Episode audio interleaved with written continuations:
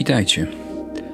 Zgodzicie się chyba, że jesteśmy zewsząd otoczeni ruinami. Kiedy tylko rozglądamy się dookoła, widzimy cmentarze, nekropolie, miejsca pamięci, muzea, ruiny dawnych budowli, architektoniczne, historyczne pamiątki. To zupełnie naturalne, że na naszym starym kontynencie doświadczenie obcowania z przeszłością nie tylko za pośrednictwem tekstów, ale także miejsc, artefaktów czy właśnie ruin jest doświadczeniem dość powszechnym. Tyle tylko, że może patrzymy na te ruiny w specyficzny sposób.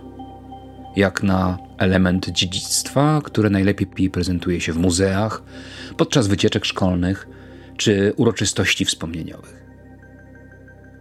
Chcemy Was zaprosić na rozmowę, która pozwoli być może spojrzeć Wam na ruiny w nieco inny sposób.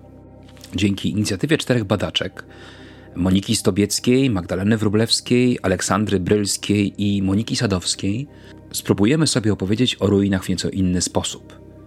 Będzie bowiem mowa między innymi o bioruinach.